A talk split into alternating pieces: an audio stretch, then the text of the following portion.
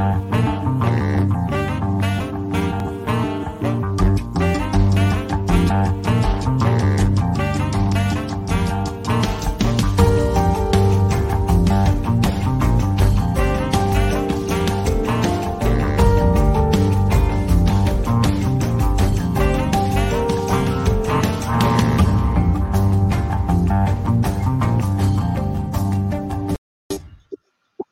Herkese iyi akşamlar. Üsküdar Motoru'nun 9. bölümüne hoş geldiniz. Bugün çok önemli bir konuğumuz var. Gelecek Partisi İnsan Hakları Başkanı ve Anayasa Hukukçusu Sayın Profesör Doktor Serap Yazıcı. Hoş geldiniz Serap Hocam. Sizi genç bir anayasa hukukçusu olmak isteyen bir hukuk öğrencisi olarak programda ağırlamak benim için çok büyük bir onur. Çok mutluluk duyuyorum kitapları, makalelerini okuduğum ve çok değerli bir anayasa hukukçusunu ağırladığım için. Programımıza hoş geldiniz. Hoş bulduk. Çok teşekkür ederim. Ee, bence sen de çok gelecek vadeden bir genç anayasa hukukçususun. İnşallah ileride seni de e, bu tür programlarda bu kez sunucu olarak değil, konuşmacı olarak takip ederiz. İnşallah hocam. Bunu sizden duymak benim için gerçekten çok e, mutluluk verici. E, isterseniz hemen e, başlayalım. E, sorularımız e, çok fazla, gündemimiz çok yoğun. Ee, öncelikle e, programın konsepti Amerika'daki seçimler ama ben çok kısaca öncelikle Amerika'da yaşananlardan Türkiye'ye bağlantı yapıp asıl e, sizin Gelecek Partisi için yazdığınız güçlendirilmiş parlamenter sistem önerisi hakkında konuşmak istiyorum ama o konuya geçmeden önce size şunu sormak istiyorum.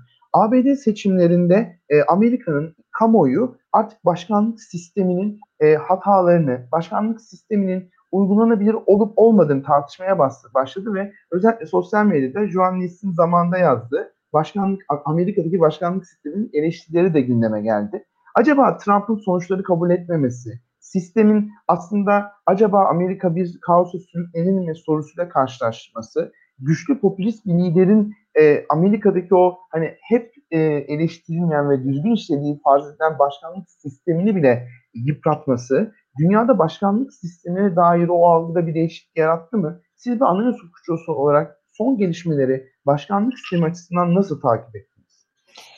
Ee, aslında ABD başkanlık sistemine ilişkin kaygılar yeni değil. Bence e, Trump'ın seçilmesiyle beraber başlamıştı.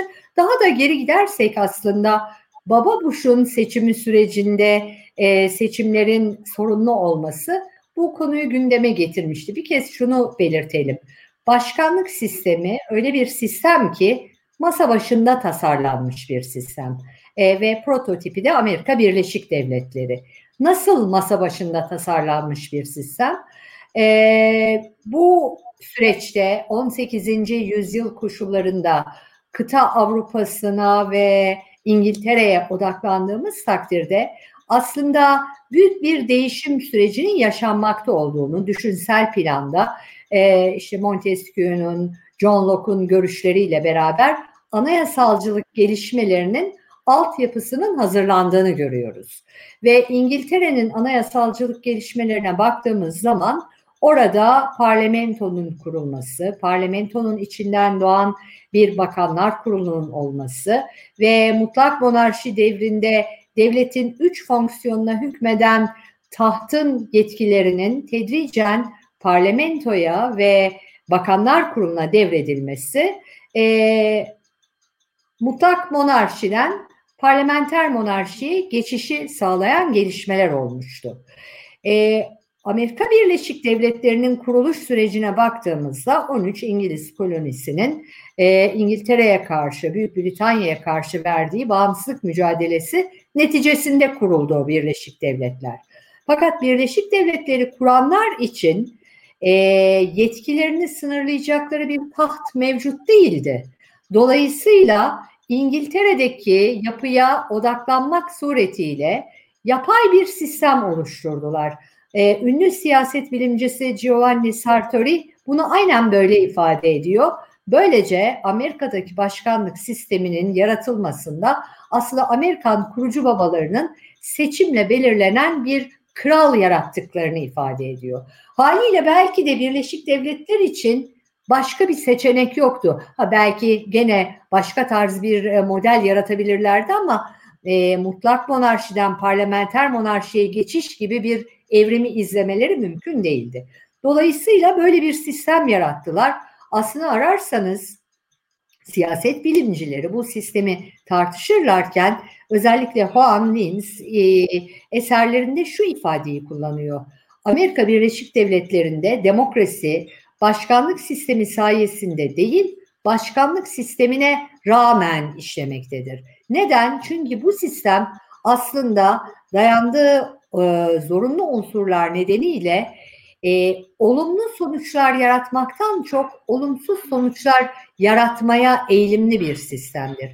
Amerikan tipi başkanlık sisteminin yegane avantajlı sonucu hükümete istikrar kazandırmaktır. Neden? Çünkü bu sistemde yasama ve yürütme organları birbirinden mutlak surette ayrılmıştır. Seçimleri birbirinden bağımsız olarak yapılır. Her iki organda sabit görev süreleri için seçilirler. Bu ne anlama geliyor? İki seçim dönemi arasında ne federal kongre başkanı düşürebilir ne de başkan kongreyi feshedebilir. Impeachment hariç olmak üzere ki impeachment'ın da bugüne kadar işlediği herhangi bir somut olay olmadı. Üç kez işletilmek istendi. Üçünde de netice alınmadı. Dolayısıyla bu sistemde hem yasama organının görev süresi sabit hem de yürütme organının yani başkanın görev süresi sabit. E bu ne anlama geliyor? E, yürütme organının yani hükümetin mutlak bir istikrara sahip olması anlamına geliyor. E, iki seçim süresi arasında onu düşürmenin imkanı olmadığı için. Bu yegane avantajı. Onun dışında bütün özellikleri sorun üretme potansiyeline sahip. Gene Juan Linz'in analizlerini izleyecek olursak mesela şunu belirtiyor Juan Linz. Başkanlık seçimleri bir toplam sıfır oyunu yaratmaktadır. Bu ne anlama geliyor? Ee, başkan adayları birbirleriyle yarıştıklarında bunlardan ancak biri ipi göğüsleyerek bu makamı kazanmış olacak. Dolayısıyla başkanlık makamını kazanan aday her şeyi kazanırken bu yarışta kaybeden aday her şeyi kaybetmiş olacak. Bakın bir önceki seçime odaklanalım. Hillary Clinton her şeyi kaybetti. Siyasi kariyeri de böylelikle noktalanmış oldu. Çünkü kaybetmiş bir başkan adayının mütakip seçimlerde tekrar aday gösterilmesine hukuki bir engel yok ama onu aday gösterme ihtimali de yok. Çünkü o zaten artık bir kez kaybetmiş ve tarihin sayfaları arasına gömülmüş durumda. E, keza şu anki tabloya baktığımızda artık Trump her şeyi kaybetmiş bir aday. Oysa parlamenter hükümet sisteminde böyle bir tablo söz konusu değil. E, parlamento seçimleri yapılıyor. Bu seçime katılan siyasi partilerden eğer biri tek başına hükümet edecek çoğunluğu elde ederse o bakanlar kurulunu oluştururken diğer partiler bakımından muhalefet sıralarında yer almak suretiyle hükümeti denetlemek, onun politikalarına muhalefet etmek ve bir sonraki seçimlere hazırlanarak e, o seçimlerde tekrar hükümeti kazanma şansı söz konusu olabiliyor. Bu bir kez çok önemli bir e, noktası başkanlık sistemlerinin. E, başkanlık yarışı bir toplam sıfır oyunu halinde sonuçlandığı için tabii bu yarış aynı zamanda kutuplaşma potansiyeli olan bir yarış. Böyle olduğu için de o yarış süresince e, başkan adayları birbirleri üzerinde fevkalade karalayıcı kampanyalar yürütebiliyorlar. Çünkü hayat memat meselesi kazanan her şeyi kazanacak, kaybeden her şeyi kaybetmiş olacak. Öte yandan e, gene parlamenter sistemle mukayeseli olarak inceleyecek olursak parlamenter sistemde e, bir siyasi parti hükümet edecek çoğunluğu kazandığı takdirde hem yasama sürecine hakim olmakta hem de hükümet etme yani kanunların uygulanması yetkisini kazanmakta. Böylece siyasi partiler seçim meydanlarında seçmenlerine taahhüt ettikleri politikalar için ihtiyaç duydukları kanunları meclisten geçirme şansına sahip. Halbuki başkanlık sisteminde böyle değil.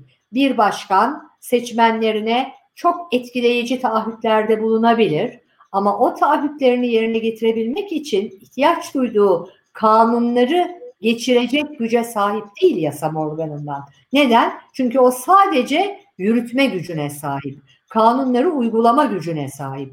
Dolayısıyla eğer karşısında e, muhalefet muhalefet partisinden oluşan bir parlamento çoğunluğu varsa işi bir hayli zor olacak demektir. Çünkü muhalefet partisini e, ikna edecek, ihtiyaç duyduğu kanunların onlar tarafından kabul edilmesini sağlayacak.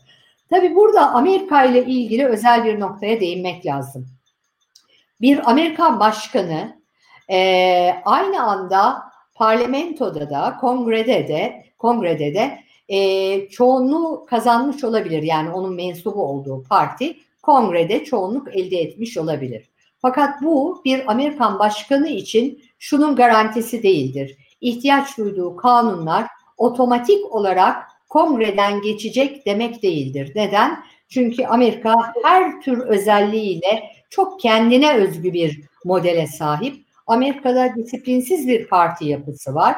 Gevşek bağlarla bağlılar partilerine. Dolayısıyla pekala diyelim ki demokrat bir başkan, demokrat bir kongre çoğunluğuyla karşı karşıya olduğu zaman dahi mutlaka o kongre üyelerini ihtiyaç duyduğu kanunların çıkarılması için ikna etmek mecburiyetinde. Dolayısıyla e, her zaman için yasama ve yürütme birbirine birbiriyle uzlaşmaya dayanan ilişkileri yürütmek zorunda. E, bu tabii Amerika'da bugüne kadar başarıyla yürütülmüş bir model. Ama tabii biz biliyoruz ki özellikle bütçe kanunlarının kabulü sırasında Amerika'da da bazı sorunlar yaşanabiliyor. Eğer bir başkanın bütçesi kongrede kabul edilmeyecek olursa e, hükümet faaliyetleri devam edemez hale geliyor. E, hükümetin kepenkleri kapatması deyimi kullanılıyor. E, ama gene Amerika'nın e, uzlaşma yeteneğinin nispeten yüksek olan o kültürel dokusu bir noktada uzlaşmanın sağlanmasını, bütçenin kabul edilmesini sağlıyor. Halbuki bu sistemi başka topraklara ihraç ettiğinizde, işte Latin Amerika'da biliyorsunuz başkanlık sistemi e, uygulanıyor.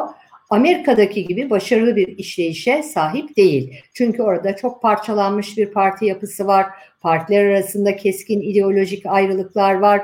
E, toplumun davranış kültürü Amerika Birleşik Devletleri'nde olduğu gibi değil ki Amerika'da da sizin sorunuzda belirttiğiniz gibi son yıllarda ortaya çıkan aşırı kutuplaşma burada da bir takım problemlerin olabileceğini gösterdi. Şimdi daha fazla uzatmadan ben şuna değineyim. Dediniz ki başkanlık sistemi değişebilir mi Amerika'da? Ben doğrusu çok zor olduğunu düşünüyorum. E, elbette buna bir engel yok ama bunu yapabilmeleri için anayasayı değiştirmeleri gerekiyor. Yani anayasanın belki de üçte ikisi üzerinde çok köklü değişiklikler yapmaları gerekiyor. Amerika Birleşik Devletleri'nde anayasa değişikliği oldukça zor bir süreç. Her iki meclisin üye tam sayısının üçte ikisinin e, bunu onaylaması gerekiyor. Aynı zamanda tek tek her federe devlette bunun onaylanması gerekiyor. Federe devletlerin dörtte üçünün böyle bir değişikliği onaylaması gerekiyor. Haliyle ben yakın bir gelecekte e, böylesine köklü bir değişikliğin olabileceğini düşünmüyorum. Ama tabii bu tartışmaların Birleşik Devletler yönünden sağlıklı sonuçlar yaratabileceğini düşünüyorum. Çünkü Trump'la birlikte Amerika bence bir kabus yaşadı. Sadece Amerika değil, dünya da bir kabus yaşadı. Haliyle o süre içinde Amerikan demokrasisi belki aldığı yaraları bu tartışmalar sayesinde tamir edebilir ve tekrar demokrasisini eskiden olduğu gibi sağlamlaştırabilir. Çok teşekkürler hocam. Şimdi aslında birazcık daha Türkiye ve parlamenter e, güçlendirilmiş parlamenter sistem önerisine gelmek istiyorum. Birbiriyle bağlantı iki tane sorun var.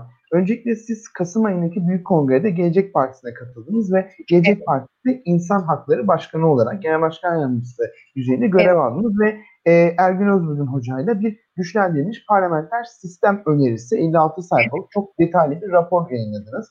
Normalde evet. Türkiye'de aslında bu güçlendirilmiş e, parlamenter sistem, rasyonelleştirilmiş parlamenter sistem hep siyaseten konuşuldu ama hiç detayları ve mekanizmaları çok e, sizin raporunuzda yer aldığı kadar iyi bir şekilde anlatılmadı. Öncelikle evet. şunu e, merak ediyorum. E, siyasete girme kararını ve Gelecek Partisi'ni seçme kararını nasıl aldınız? Bu sizin için uygun bir soruysa cevaplamak istedim. Tabii ki elbette memnuniyetle teşekkür ederim.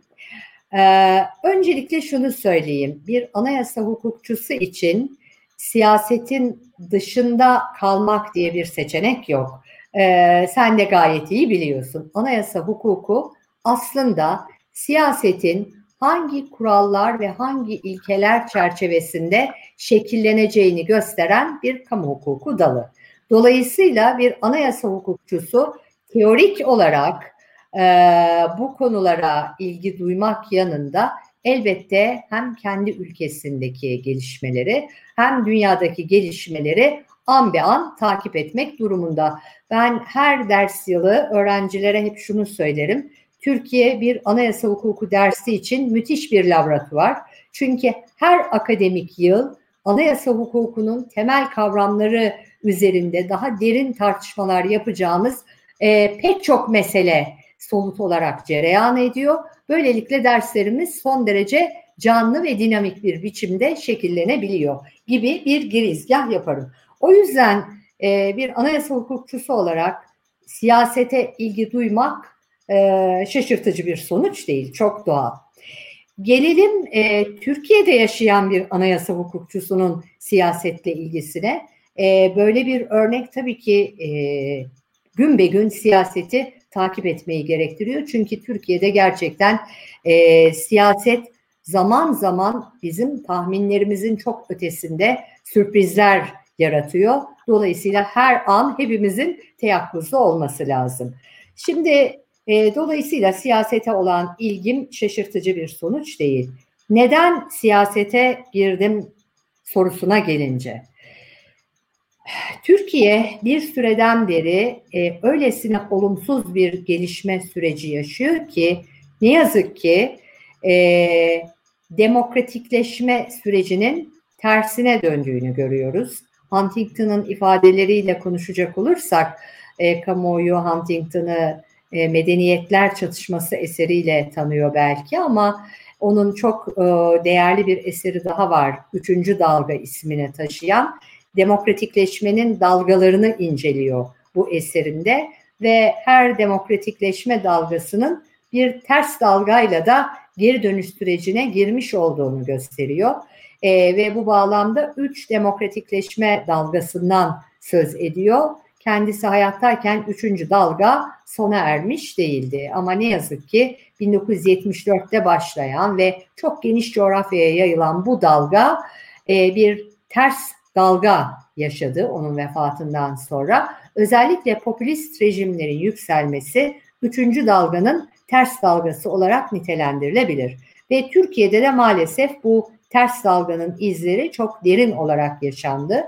Ee, benim gözlemlerime göre özellikle 2011 genel seçimlerinden itibaren artık demokratikleşme yolunda herhangi bir adım atılmaz oldu. Hatta hükümet bu yöndeki motivasyonunu kaybetti. Avrupa Birliği ile olan ilişkilerin e, dondurucuya kaldırılmasıyla beraber e, demokratikleşme adımları sona erdi. Ve ne yazık ki 2013'teki e, Gezi Parkı protestolarından sonra hükümet çok daha otoriter politikalara yönelmiş oldu. Aslında anayasal açıdan değerlendirdiğimizde Gezi Parkı protestoları e, demokratik eylemlerdi. Bizim anayasamızda toplantı ve gösteri hakkını tanıyan bir anayasa. E, Türkiye'nin taraf olduğu Avrupa İnsan Hakları Sözleşmesi'nde düzenlenen bir hak. Dolayısıyla anayasal sınırlar içinde kullanılan bir hakka ölçüsüz müdahale elbette e, olumlu bir e, yaklaşım olmadı. Ve böylece Türkiye belki 2000'li yılların başından itibaren attığı demokrasi adımlarını geriye çevirmiş oldu. Hukuk devleti ilkesinden hızla uzaklaştı ve 2016'da yaşadığımız o korkunç darbe teşebbüsü, o teşebbüsü bastırmak için uygulanan olağanüstü hal yönetimi ve olağanüstü hal yönetimi sırasında anayasada öngörülen sınırları aşan otoriter politikalar gerçekten Türkiye'de e, demokratik atmosferi tamamen ortadan kaldırdı. E, bizim gibi özgürlükleri, demokratik kurumları savunanlar bakımından hayatı çekilmez hale getirmiş oldu. Dolayısıyla ben hep o süre içinde şunu düşündüm. Artık sadece bir akademisyen olarak araştırma yapmanın, e, üniversitede ders vermenin Türkiye'de demokrasiyi tekrar canlandırmak için yeterli olmayabileceği gibi bir duygunun içindeydim. Ve bununla eş zamanlı olarak e, biliyorsun benim ders verdiğim üniversite maalesef gene hukuka aykırı bir biçimde faaliyetten men edildi. Henüz daha güzel kişiliği tamamen ortadan kalkmış değil. Ama biz uzun bir süre maaşlarımızı almadan öğrencilerimizi ve onların geleceğini düşünerek e, çalışmalarımızı sürdürdük. Hala daha öğretim üyesi bağımız sona ermiş değil üniversiteyle. Sözleşmelerimiz feshedilmiş değil. Ama maaşlarımız da tabii ödenmiyor Nisan ayından bu yana. Ve başka bir üniversitede çalışma şansımız da e, pek var gibi görünmüyor. İşte tam bununla eş zamanlı olarak Sayın Ahmet Davutoğlu Gelecek Partisi'ni kurma sürecindeyken e, benimle de bir diyalog içine girdi. Partinin kuruluş sürecinde rol almam yönünde çok nazik bir teklifte bulundu. E, ben Sayın Ahmet Davutoğlu'nun kişiliğine çok saygı duyuyorum. Onun çok dürüst ve namuslu bir insan olduğuna e, ve ailesiyle çok mütevazı bir hayat sürdürdüğüne inanıyorum. E, Türkiye kamuoyunda bunun aksini düşünecek herhangi bir kişinin olduğunu da düşünmüyorum ve kendisi son derece demokratik bir kişiliğe sahip ve Türkiye'nin içinde bulunduğu bu çıkmazı gören, bundan dolayı büyük üzüntü duyan bir siyasi aktör ve aynı zamanda akademisyen. Bu girdiğimiz diyalog sırasında ben de bu partide yer alabileceğimi düşündüm. Ve önce programın e, yazımı sırasında e, bir işbirliği içinde bulunduk ve ardından da bir Kasım itibarıyla partiye resmen üye oldum. Ve daha sonra da işte sizin de demin anons ettiğiniz gibi güçlendirilmiş parlamenterizm projesinin e, hazırlık sürecinde yer aldım. E, dolayısıyla e, şu anda artık e, sadece teorik bilgilerimle değil bizzat sahada fiilen çalışarak da Türkiye'de demokrasinin yeniden canlandırılması için emek vermeye talip olmuş durumdayım. Umarım e, arzu ettiğim gibi gayret gösterebilirim ve bu gayretlerimiz e, birbiri üzerine eklemlenerek bir netice yaratır Türkiye için. E, hayırlı olsun hocam bu kararınız hem sizin hem Türkiye için. E, peki güçlendirilmiş parlamenter sistem siz e, bu raporu yazmadan önce de Türkiye'de çok konuşuluyordu. Ama kimse evet. nasıl bir parlamenter sistemin güçlendirebileceğini aslında mekanizmalarıyla anlatmıyordu. Öncelikle evet. raporda aslında diyorsunuz ama yine de seyircilerimiz için parlamenter sistem çok özet bir şekilde nedir ve nasıl güçlendirilebilir? Hangi mekanizmalarla güçlendirilebilir? Ve bu neden Türkiye için şu anda sizce en iyi hükümet sistemi? Çünkü yine aynı raporda 1924 Anayasası'nın çoğunlukçu, 1961 Anayasası'nı vesaire ve 1982 yasasını, anayasasını ise iyi işlemeyen melez bir sistem olarak tanımlıyorsunuz ve demokratik bir hükümet sistemiyle anayasaya ihtiyacımız olduğunu söylüyorsunuz. Peki bu düzlemde evet. güçlendirilmiş parlamenter sistem Türkiye'ye bu demokratikliği nasıl sağlayacak diye e, evet. sorumu sormak istiyorum. Ee, öncelikle şunu söyleyeyim. Ee, bir kez parlamenter sistemden yana olan tutumum yeni bir tutum değil. Ee, sen tabii takip ediyorsun. İzleyicilerimiz için söylemiş olayım ben. 1996 ee, yılının e, sonlarına doğru doçentlik tezimin e, konusunu belirlemiştim. E, başkanlık ve yarı başkanlık sistemleri Türkiye için bir değerlendirme başlığıyla yayınladım tezimi. Ve bu tez üzerinde çalıştığım süre zarfında ki yıllarca devam etti bu çalışma, hiçbir zaman başkanlık sisteminin cazip bir sistem olabileceği e, yönünde bir düşünce şekillenmedi zihnimde. E, programın başında da belirtmiştim. E, Juan Lins belki de bu yüzyılın yetiştirmiş olduğu en değerli siyaset bilimcilerinden biri. kendisinin başkanlık sistemlerinin sorun boyutlarıyla ilgili çok değerli bir makalesi var ve bu makale e, siyaset bilimcileri arasında oldukça yankı uyandırdı ve ona karşı bir takım tezler de öne sürüldü. Dolayısıyla akademik hayatta, uluslararası literatürde de bu konu epeyce tartışılmış durumda. Şimdi o süre içinde yaptığım e, araştırmalar bana şunu gösterdi. E, parlamenter sistemin e, demokrasiyi sağlamlaştırmak bakımından çok daha avantajlı sonuçları var. Nitekim ampirik gözlemler şunu gösteriyor ki dünyada dayanıklı demokrasilerin büyük çoğunluğu parlamenter hükümet sistemini benimserken başkanlık sistemleri aynı ölçüde dayanıklı değiller. Ama tabii bu şu anlama gelmiyor. Başkanlık sistemi mutlak surette olumsuz sonuç yaratır. Parlamenter sistemde mutlak surette olumlu sonuçlar yaratır. Aslında mükemmel bir hükümet sistemine sahip değiliz. Başkanlık sistemi de mükemmel bir sistem değil, parlamenter sistemde. Her ikisinin avantaj ve dezavantajları birbirinden farklı. E, dolayısıyla eğer dezavantaj olarak gördüğümüz bir özelliği e, düzeltecek, ıslah edecek mekanizmaları yaratabilirsek o sistemi mükemmel hale getirmiş olabiliriz. Şimdi geçelim sorunun ikinci kısmına. Parlamenter sistem nasıl bir sistem? Parlamenter sistem kuvvetler ayrılığı e, başlığı altında incelediğimiz bir sistem. Yani yasama ve yürütme yetkilerinin farklı organlara sunulmuş olduğu bir sistem. Bu sistemde yasama yetkisi seçimle belirlenen parlamento tarafından kullanılmaktadır. Yürütme yetkisi ise devlet başkanı ve bakanlar kurulu arasında paylaşılmaktadır. Ee, eğer bir cumhuriyet söz konusuysa devlet başkanı cumhurbaşkanı sıfatını taşımaktadır. Ee, parlamenter sistemde seçmenler bir kez e, sandık başına giderler. Parlamentodaki sandalye dağılımını belirlemek üzere. Ve eğer o sandalye dağılımı bir siyasi partiye tek başına hükümet etme çoğunluğunu vermişse o takdirde bakanlar kurulunu o siyasi parti oluşturur. Böylece yürütmenin asıl yetkili kanadı olan bakanlar kurulu o siyasi parti tarafından kontrol edilmiş olur. Bu sistemde e, devlet başkanının bu ister İngiltere'de olduğu gibi bir monark olsun, isterse cumhurbaşkanı olsun, e, devlet başkanının belirleyici, güçlü yetkileri yoktur. Onun bütün yetkileri sembolik ve törensel yetkilerdir.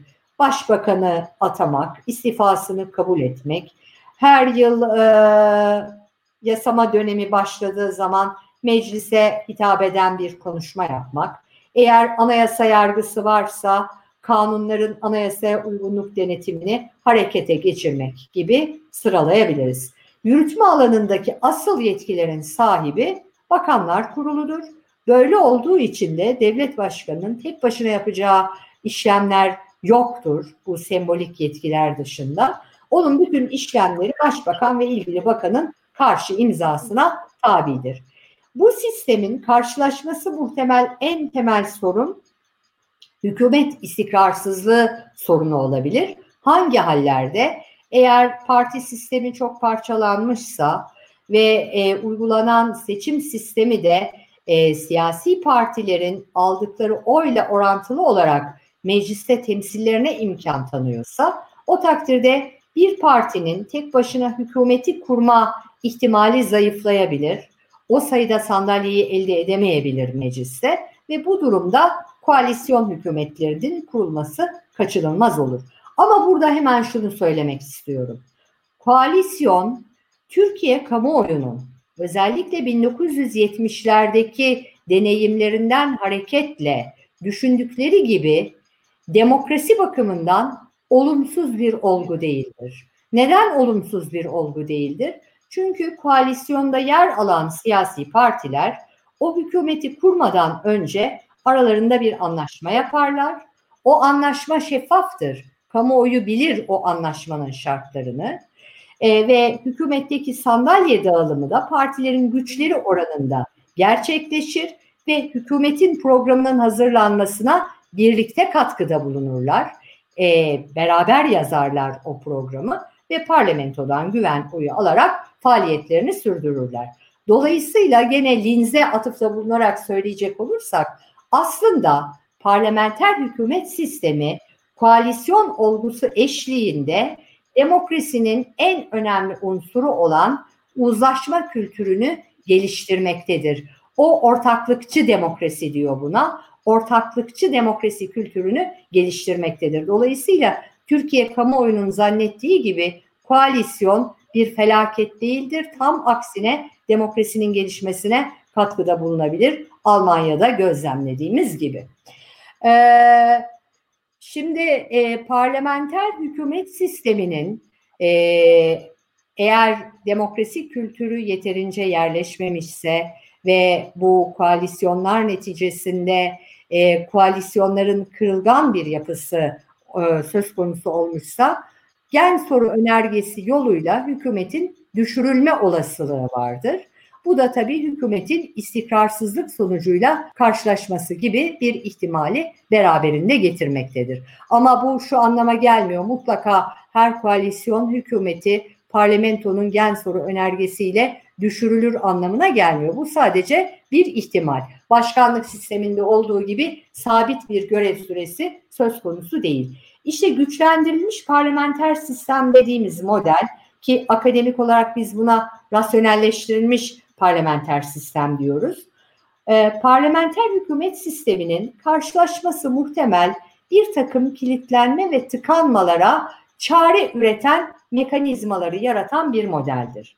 Mesela demin bahsettiğimiz bu gen soru önergelerinin hükümeti düşürme sonucunu doğurmasını önlemek için Almanya'da ve İspanya'da yapıcı güvensizlik oyu dediğimiz bir model geliştirilmiştir. Nedir bu model? Parlamento e, gen soru önergesi verebilir hükümete. Fakat gen soru önergesi verirken o önerge metninde hükümetin düşürülmesi halinde kurulacak hükümetin ne olduğunu da göstermesi gerekir. Yani alternatif başbakanı ve hükümet kompozisyonunu belirlemesi gerekir.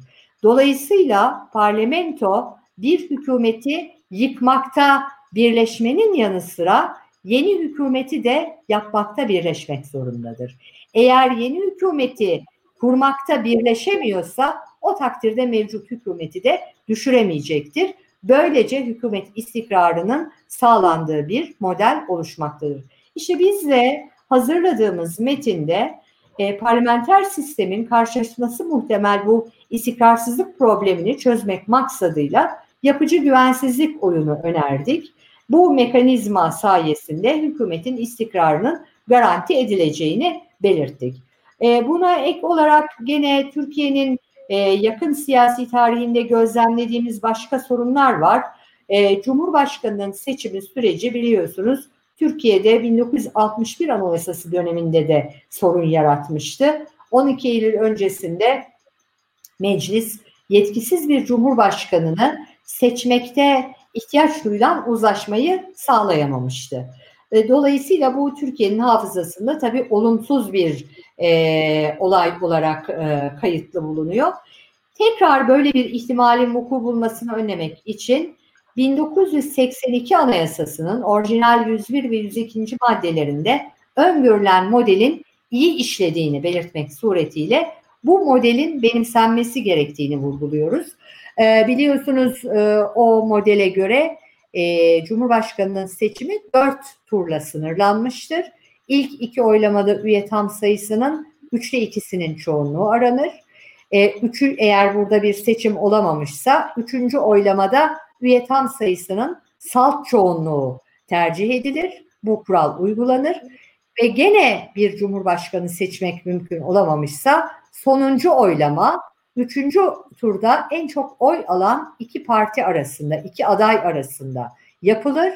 Böylece adayların sayısı azaldığı için uzlaşma teşvik edilecektir.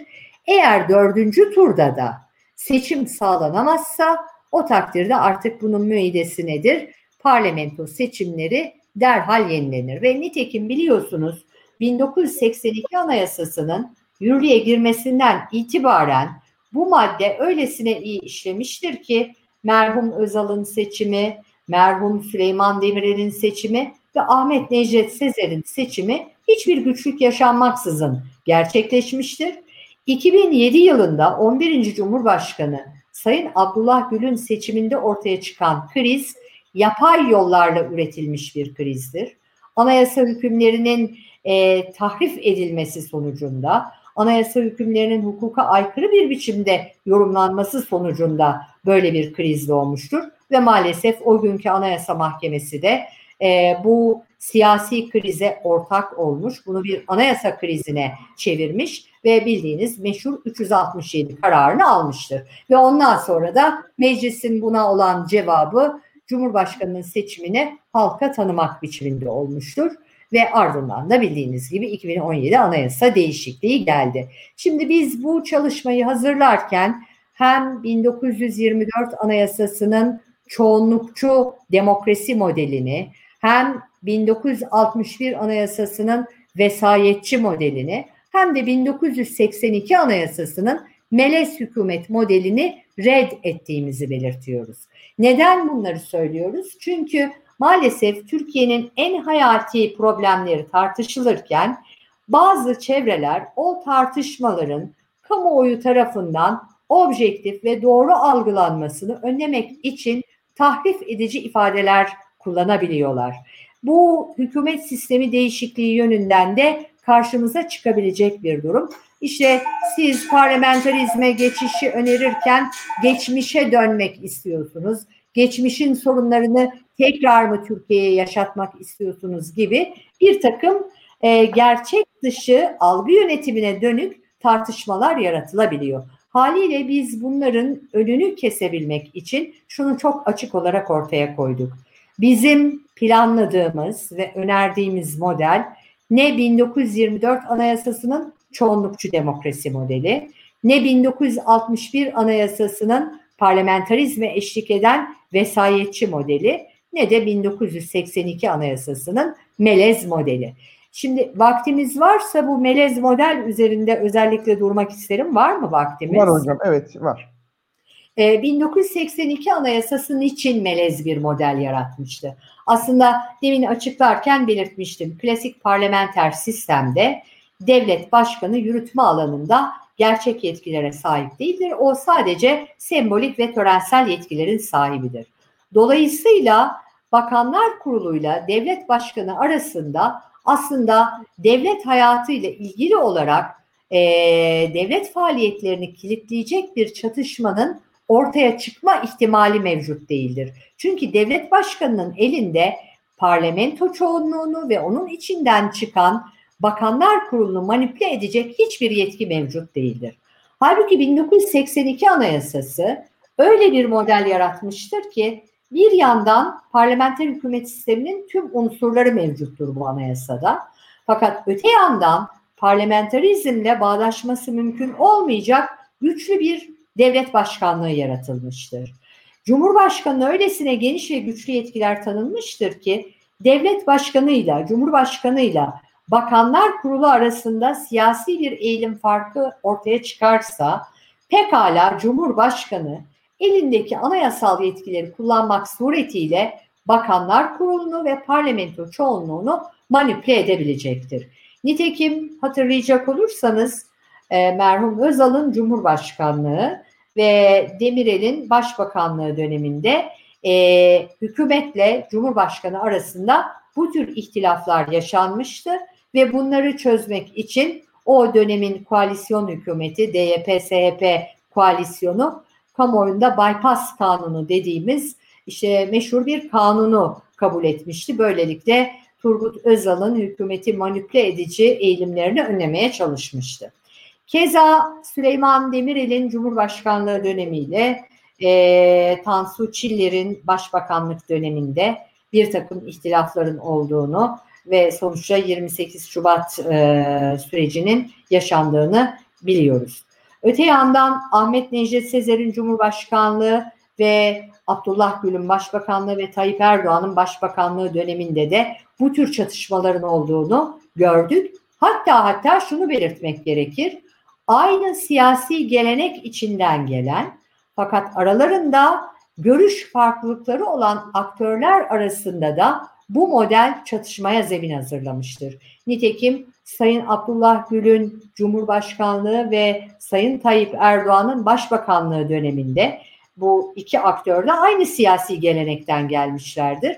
Ama bir takım kişisel çatışmalar olabilmiştir. Keza e, Sayın e, Tayyip Erdoğan'ın Cumhurbaşkanı olduğu ve Sayın Davutoğlu'nun Başbakan olduğu dönemde de gene böyle çatışmalar olmuştur. Dolayısıyla 1982 Anayasası'nın kabul ettiği sistem e, melez bir hükümet sistemidir ve üstelik bu aslında yarı başkanlık sistemine yaklaşan bir model olduğu halde o sistemin kilidi çözecek olan meclisi fesih yetkisinin de mevcut olmadığı bir modeldir. Yani kriz üreten ama krizin çözümünü göstermeyen bir model yaratılmıştır ve sonuçta işte 367 krizi dediğimiz o yapay kriz neticesinde Cumhurbaşkanı'nın halk tarafından seçimi modeli de benimsendikten sonra artık bu hükümet sisteminin kriz üretme potansiyeli çok daha güçlenmiştir. Ben aslında bütün akademik çalışmalarımda hep şunu söylemiştim. Ee, Türkiye'nin önünde aslında tek bir seçenek var. Ee, bu hükümet sistemini klasik parlamenter sistem yönünde evrim geçirecek biçimde değiştirmeli. Böylece Cumhurbaşkanı'nın yetkilerini e, törensel ve sembolik konularla sınırlamalı. Bakanlar Kurulu'nun eline güçlü ve gerçek yetkiler sunmalı. E, ve tabii e, parlamentarizmin karşılaşması muhtemel kilitlenmeleri önleyecek mekanizmalara da yer vermeli biçiminde e, görüşlerimi paylaşmıştım akademik çevrelerle. Dolayısıyla orada savunduğum görüşleri aslında bu Gelecek Partisi'nin projesinde somut olarak ifade etmek mümkün oldu. Tabii bu tek başına benim hazırladığım bir öneri değil. Bunu hemen belirtmek isterim. Ergun Özbudun hocamız katkıda bulundu ve partinin e, hukukçu olan ve olmayan başka aktörleri de bu sürece katıldılar. Bu ortak bir çalışmanın ürünü ve 9 Kasım'da da kamuoyuna sunmuş olduk. Böylece bu çalışmayla kamuoyuna şunu çok açık olarak beyan ediyoruz. Hiç kimse endişe duymasın.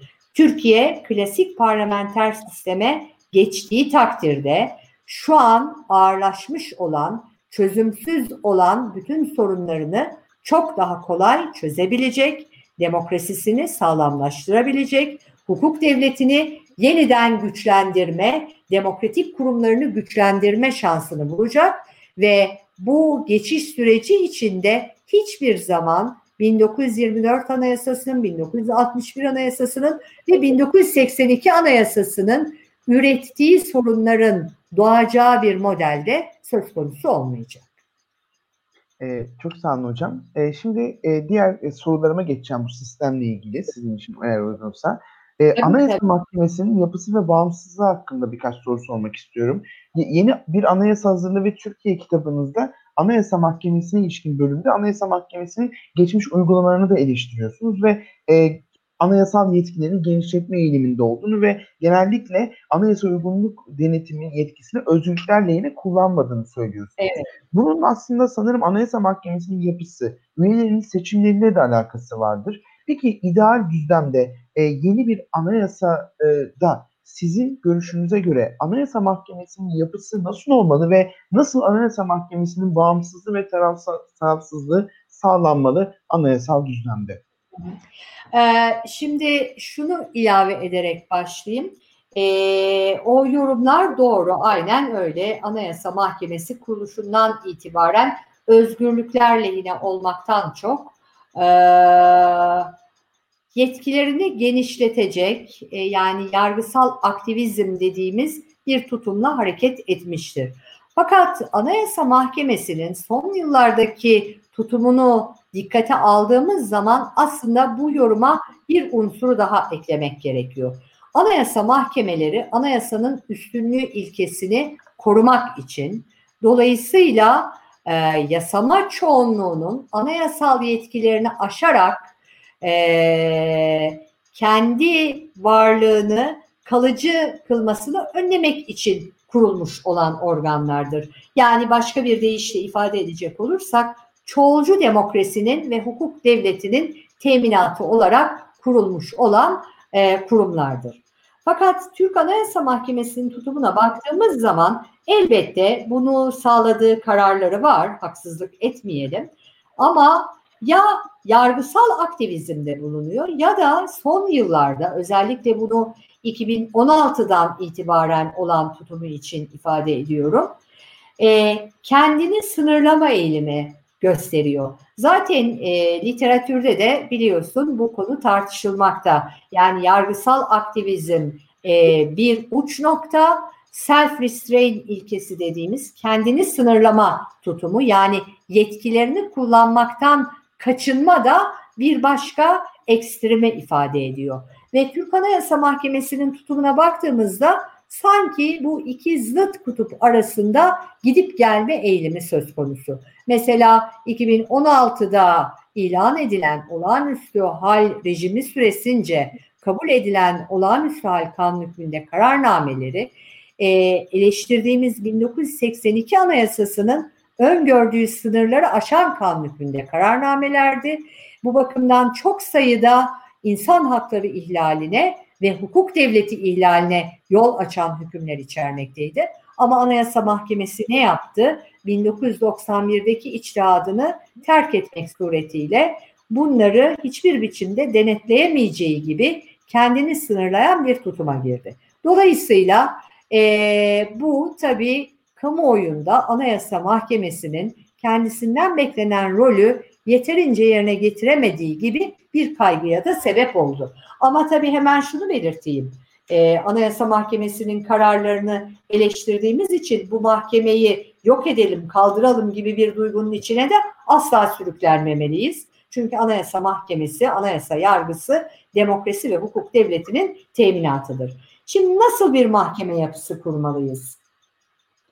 Ee, çok kolay değil tabii, çok iyi bir sistemi yarattığımız iddiasında bulunmak. Çünkü bu sadece anayasa mühendisliği yöntemiyle başarılacak bir konu değil. Ama gene de başarılı örnekleri dikkate aldığımız zaman mesela Almanya'da anayasa yargısı oldukça başarılı bir işleyişe sahip. Almanya'da ve diğer bazı ülkelerde anayasa mahkemelerinin demokratik meşruiyet esasına dayanmasına özen gösterildiğini görüyoruz. Bu neyi ifade ediyor? Biliyorsun parlamentolar kanun yaparken bu yetkiyi halkın iradesinden kazanıyorlar. Ee, anayasa mahkemeleri ise parlamentonun kabul ettiği kanunları eğer anayasaya aykırı bulursa iptal etme yetkisine sahip. Yani onu geleceğe dönük olarak yürürlükten kaldırma yetkisine sahip. Hans Kelsen'in ifadeleriyle bu negatif kanun yapma anlamına taşıyor. Neden? Parlamentonun kabul ettiği bir kanunu ortadan kaldırmış oluyor. Dolayısıyla Kelsenci bir yaklaşımla ifade edecek olursak nasıl parlamento kanun yapma yetkisini halkın iradesinden kazanıyorsa, onun temelinde demokratik meşruiyet varsa, Anayasa Mahkemesi'nin de temelinde demokratik meşruiyetin olması gerekiyor. Bu bakımdan parlamentonun Anayasa Mahkemesi'ne üye seçme yetkisinin kabul edilmesi e, olumlu sonuçlar yaratabilir. Yalnız Türkiye'de e, bu tür adımlar atılırken ne yazık ki sadece olayın biçim unsuru dikkate alınıyor. Ha, Anayasa Mahkemesi parlamento üye seçerse meseleyi halledeceğiz gibi bir algı yaratılıyor. Halbuki bundan ibaret değil tabii ki anayasal yargısının sağlıklı işlemesi. Parlamentonun bu seçimi nasıl yapacağı da çok önemli. Nasıl yapmalı bu seçimi parlamento? Bir kez kimlerin aday olduğu Anayasa Mahkemesi'ne üyelik statüsüne şeffaf bir süreç biçiminde gerçekleşmeli ve o kişilerin e, parlamento huzurunda kamuya açık bir mülakat yöntemiyle sınanmaları e, sağlanmalı. Böylece aslında adaylar arasında o görevi yerine getirmek konusunda liyakatlerinin ne olduğu çok çok iyi anlaşılmalı. Ve tabii en önemlisi parlamento bu seçimi yaparken mutlaka birçok siyasi partinin mutabakatıyla gerçekleşebilecek bir nitelikli çoğunluk oyu ile karar vermeli. Yani parlamentonun üye tam sayısının üçte ikisi veya e, dörtte üçü gibi birkaç siyasi partinin mutabakatıyla elde edilebilecek bir çoğunluk oyu aranmalı. Eğer bu yapılmazsa sadece parlamentoya seçme yetkisi tanınırsa o takdirde amaçlanan sonuç hasıl olmayacaktır. Mesela basit çoğunluk kuralı kabul edildiği takdirde ne olur? Parlamentoya hakim olan çoğunluk Anayasa Mahkemesi'ne üye seçmiş olur. O üye seçilen kişiler de kendilerini seçen çoğunluğa karşı borçlu hissederler ve o borç dolayısıyla hukuka uygunluk denetimi yapmak yerine e, kendilerini seçen çoğunluğu memnun edecek bir sonucu yaratabilirler denetimin neticesinde. O zaman zaten beklenen fayda hasıl olmaz. Bu ayrıntıyı niçin açıklıyorum? 2010 yılında bir anayasa değişikliği yaptı Türkiye bu bakımdan. Anayasa Mahkemesi'nin bütün üyeleri o tarihe kadar Cumhurbaşkanı tarafından doğrudan doğruya veya dolaylı olarak seçiliyordu. Toplam e, 17 üyesi vardı Anayasa Mahkemesi'nin. Pardon 11 asıl 4 yedek üyesi vardı yanlış hatırlamıyorsam anayasanın ilk orijinal metninde ve bu üyelerin tamamı da Cumhurbaşkanı tarafından doğrudan doğruya veya dolaylı olarak seçilmekteydi. Ne oldu? 2010 anayasa değişikliğiyle 3 üyenin seçimi parlamentoya tanındı. Parlamento bunu dolaylı olarak bu yetkiyi kullanacaktı. Ee, Sayıştay'ın gösterdiği adaylar arasından ve baroların gösterdiği adaylar arasından ve neticede bunu basit çoğunlukla seçmesine imkan tanındı parlamentonun. Yani bu ne demek oluyor? Parlamentoya hakim olan siyasi çoğunluk. Yani hükümet partisi Anayasa Mahkemesi'ne üye seçmiş oluyor. Böylelikle Anayasa Mahkemesi'nin zaten işlevi nedir? Parlamento çoğunluğunun kabul ettiği kanunları anayasaya uygunluk yönünden denetlemektir. Bu üyelerin bu denetimi bağımsız olarak yapması böyle bir tablo içinde beklenemez. Tabii ben bu şekilde seçilen üyeleri tenzih ederek söylüyorum. Bu yaptığım açıklamalar teorik bir açıklamadır. Dolayısıyla mahkemenin tarafsız ve bağımsız hareket edebilmesi için mutlaka dediğimiz şartların olması lazım. Tabii bir de ülkenin genel olarak hukuk devleti kültürüne sahip olup olmaması çok önemli. Bugünkü Türkiye'ye baktığımız zaman hem anayasal mekanizmalar neticesinde hem de özellikle son yıllarda gelişen yargısal kültür neticesinde artık bağımsız bir yargı mekanizmamızın olduğunu söylemek çok güç. E, dolayısıyla tabii ülkedeki genel yargı atmosferi elbette anayasa yargısını da etkileyecektir. Dolayısıyla Türkiye bakımından bir hukuk devleti devriminin yapılması gerekiyor. Bu kaçınılmaz sonuç. Neden kaçınılmaz sonuç? Çünkü hukuk devleti olmayan bir yerde demokratik kurumlar işleyemez. Anayasal özgürlüklerin hiçbir pratik değeri yoktur. Bugün anayasamızı incelediğimiz zaman aslında demokratik bir anayasada olması gereken bütün özgürlüklerin yer aldığını görüyoruz. Türkiye Avrupa İnsan Hakları Sözleşmesi'ne taraf, Avrupa İnsan Hakları Mahkemesi'nin e, kararlarının bağlayıcılığını kabul etmiş durumda. Ama herhalde sağduyu sahibi, vicdanlı, dürüst hiçbir hukukçu şunu söyleyemez. Türkiye'de anayasal hürriyetler anayasanın öngördüğü çerçevede tanınıyor ve korunuyor diyemez. Ne yazık ki bu konuda hep geri gidiyoruz. Bütün dünyadaki veriler bunu bize gösteriyor. Dolayısıyla Türkiye topyekun bir hukuk devleti devrimi yapmak zorunda. E, dünkü Cumhuriyet Gazetesi'nde e, okuduğum bir haberi paylaşmak isterim. E, çok değerli bir iktisat profesörü var Daron Acemoğlu. E, kendisi Türkiye'nin şu an içinde bulunduğu ekonomik krize değinmek suretiyle şunu beyan ediyor. E, Türkiye bu krizi kolay kolay aşabilecek gibi görünmüyor. Bu krizin aşılması iki faktöre bağlı. Bunlardan biri demokratik kurumların güçlenmesi, hukuk devletinin yeniden inşası, diğeri ise Türkiye'ye dışarıdan sermayenin gelmesi. Bakın bunlar iç içe geçen faktörler. Sermaye neden kaçtı gitti? Türkiye hukuk devleti olmaktan uzaklaştığı için kaçtı gitti. Dolayısıyla onun geri gelmesi neye bağlı? Güven ortamına bağlı.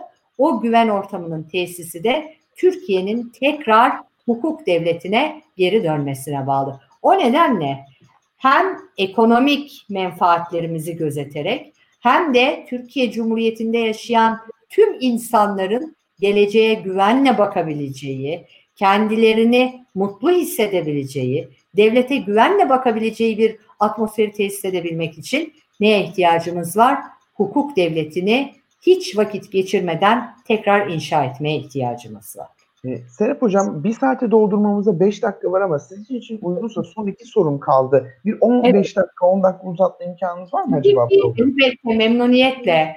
Ayrıca çok uzun cevap veriyorsam kesebilirsin sen.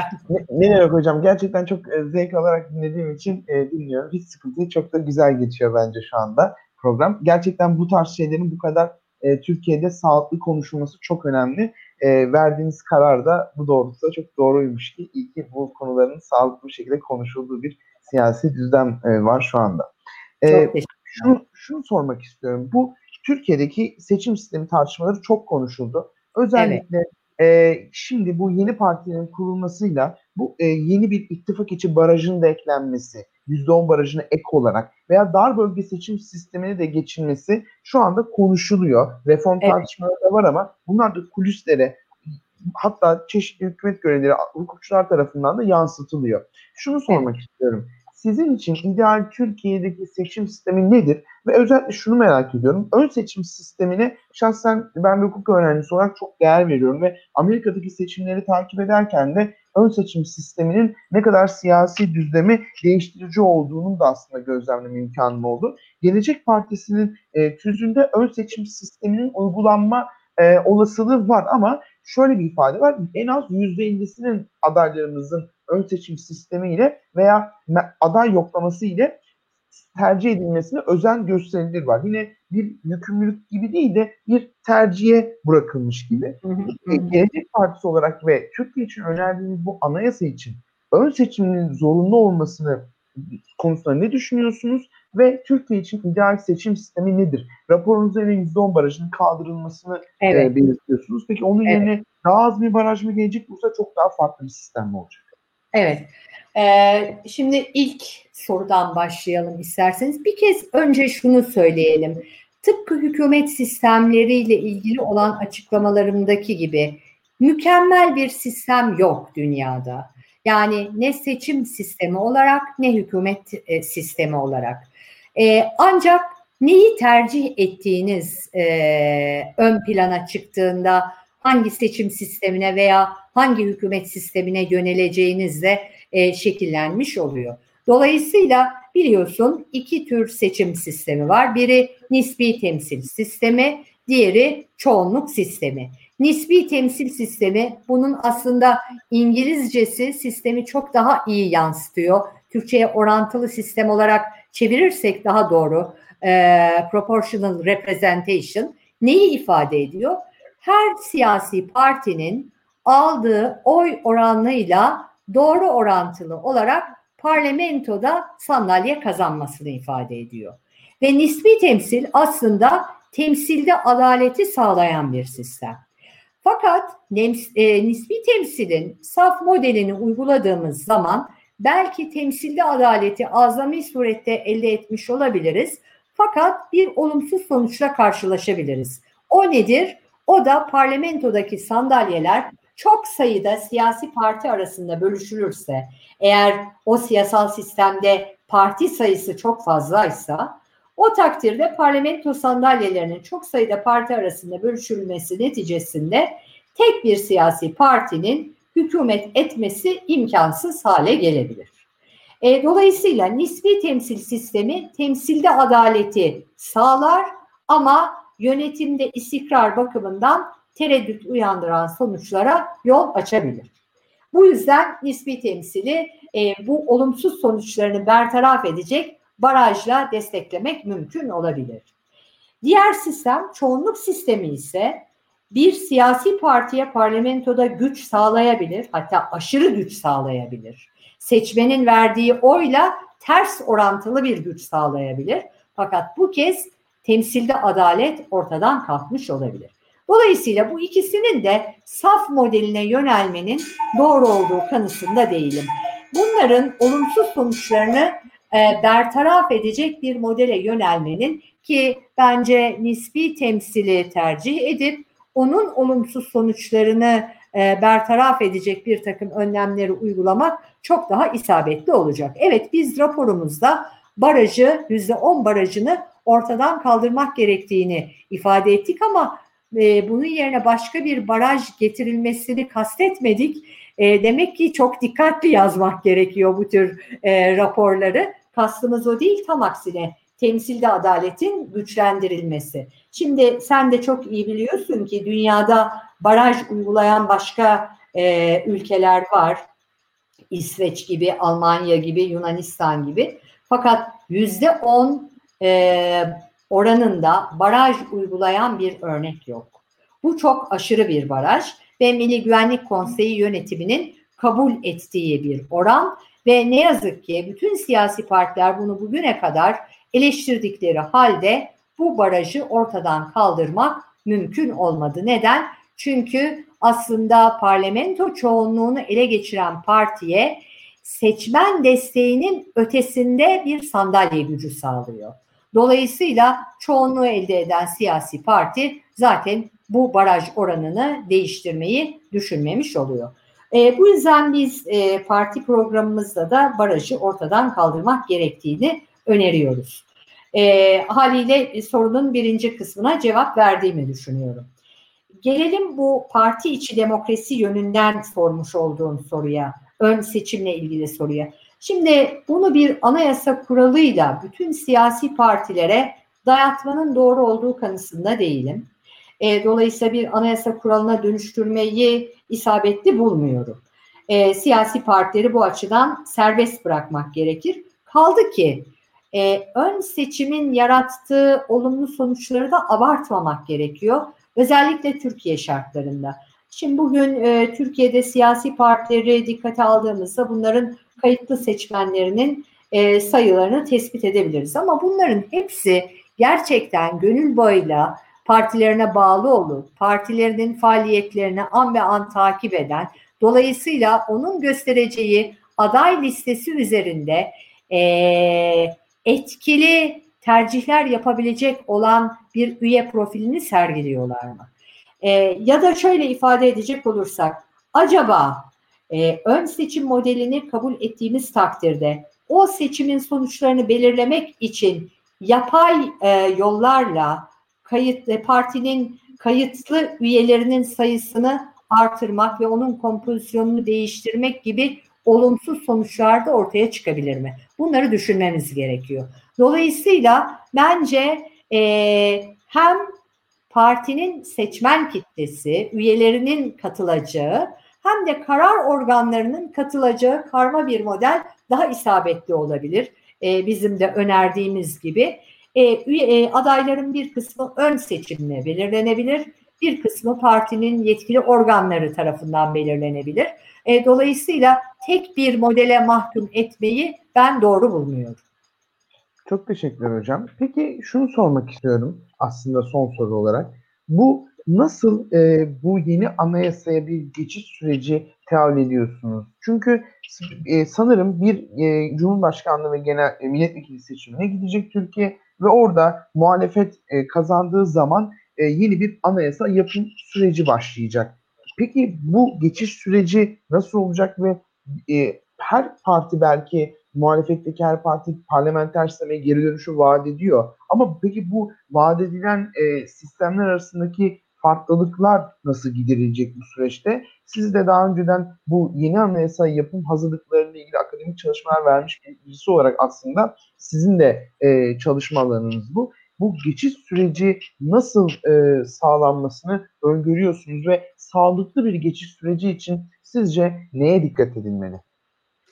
Ee, şimdi bir kere şunu söyleyelim. Ee, mevcut siyasi partileri dikkate aldığımız zaman bugün e, gazetede okudum. Ee, İyi Parti'de güçlendirilmiş parlamenter sistem önerisinin ne olduğu yönündeki çalışmalarını tamamlamış. Dolayısıyla herhalde bugün yarın kamuoyuna bu çalışmanın ne olduğunu açıklayacaklar. E, Cumhuriyet Halk Partisi'nin de bu yönde bir çalışması olduğunu biliyoruz. Zaten biz kendi önerimizi kamuoyuna açıkladıktan hemen sonra e, genel başkanımız e, diğer siyasi partilerden randevu alarak bu önerimizi sunma girişiminde bulundu. Ee, İyi Parti ile görüşme yapıldı. Çok olumlu bir diyalog cereyan etti. Cumhuriyet Halk Partisi ile bir görüşme yapıldı. Çok olumlu bir diyalog cereyan etti. Ee, MHP olumsuz karşılık verdi. Ee, ancak Cumhurbaşkanlığı hükümet sistemi üzerine görüşme yapabileceklerini, başka bir görüşme yapmayacaklarını beyan ettiler. AKP'den herhangi bir cevap gelmedi. Diğer siyasi partilerden de bildiğim kadarıyla henüz bir cevap gelmiş değil. E, fakat bu görüşmeler devam edecek. Şimdi sözün kısası kamuoyuna diğer partilerin yaptıkları açıklamalardan da hareket etmek suretiyle şunu söyleyebiliriz. E, parlamenter hükümet sistemine geçiş yönünde partilerin bir kısmı arasında güçlü bir mutabakat olma olasılığı var. E, şimdi parlamenter hükümet sisteminin ne olduğu herkesin malumu. Bunun zorunlu unsurlarının ne olduğu da herkesin malumu. Onu güçlendirecek mekanizmalar konusunda ne tür öneriler olacak? Arada görüş farklılıkları olacak mı? Aslında ben çok umutluyum. Aklın yolu bir. Senin geçen e, hafta e, program yaptığın Şule Özsoy Hoca, değerli bir meslektaşımız, e, onun da yer aldığı İstanbul isimli bir topluluk parlamenter sisteme geçiş yolunda bir proje hazırladılar. Bizden daha sonra hazırladılar onlar ve onun üzerinde karşılıklı bir görüşmemiz oldu ve biz çok büyük memnuniyetle Ergun Hoca ve ben onların sonuçlarına iştirak ettik ve şunu gördük ki aklın yolu bir, e, bizim hazırladığımız öneriyle bu İstanbul grubunun hazırladığı öneri arasında temel bir fark yok. Ayrıntılarda bazı farklar var.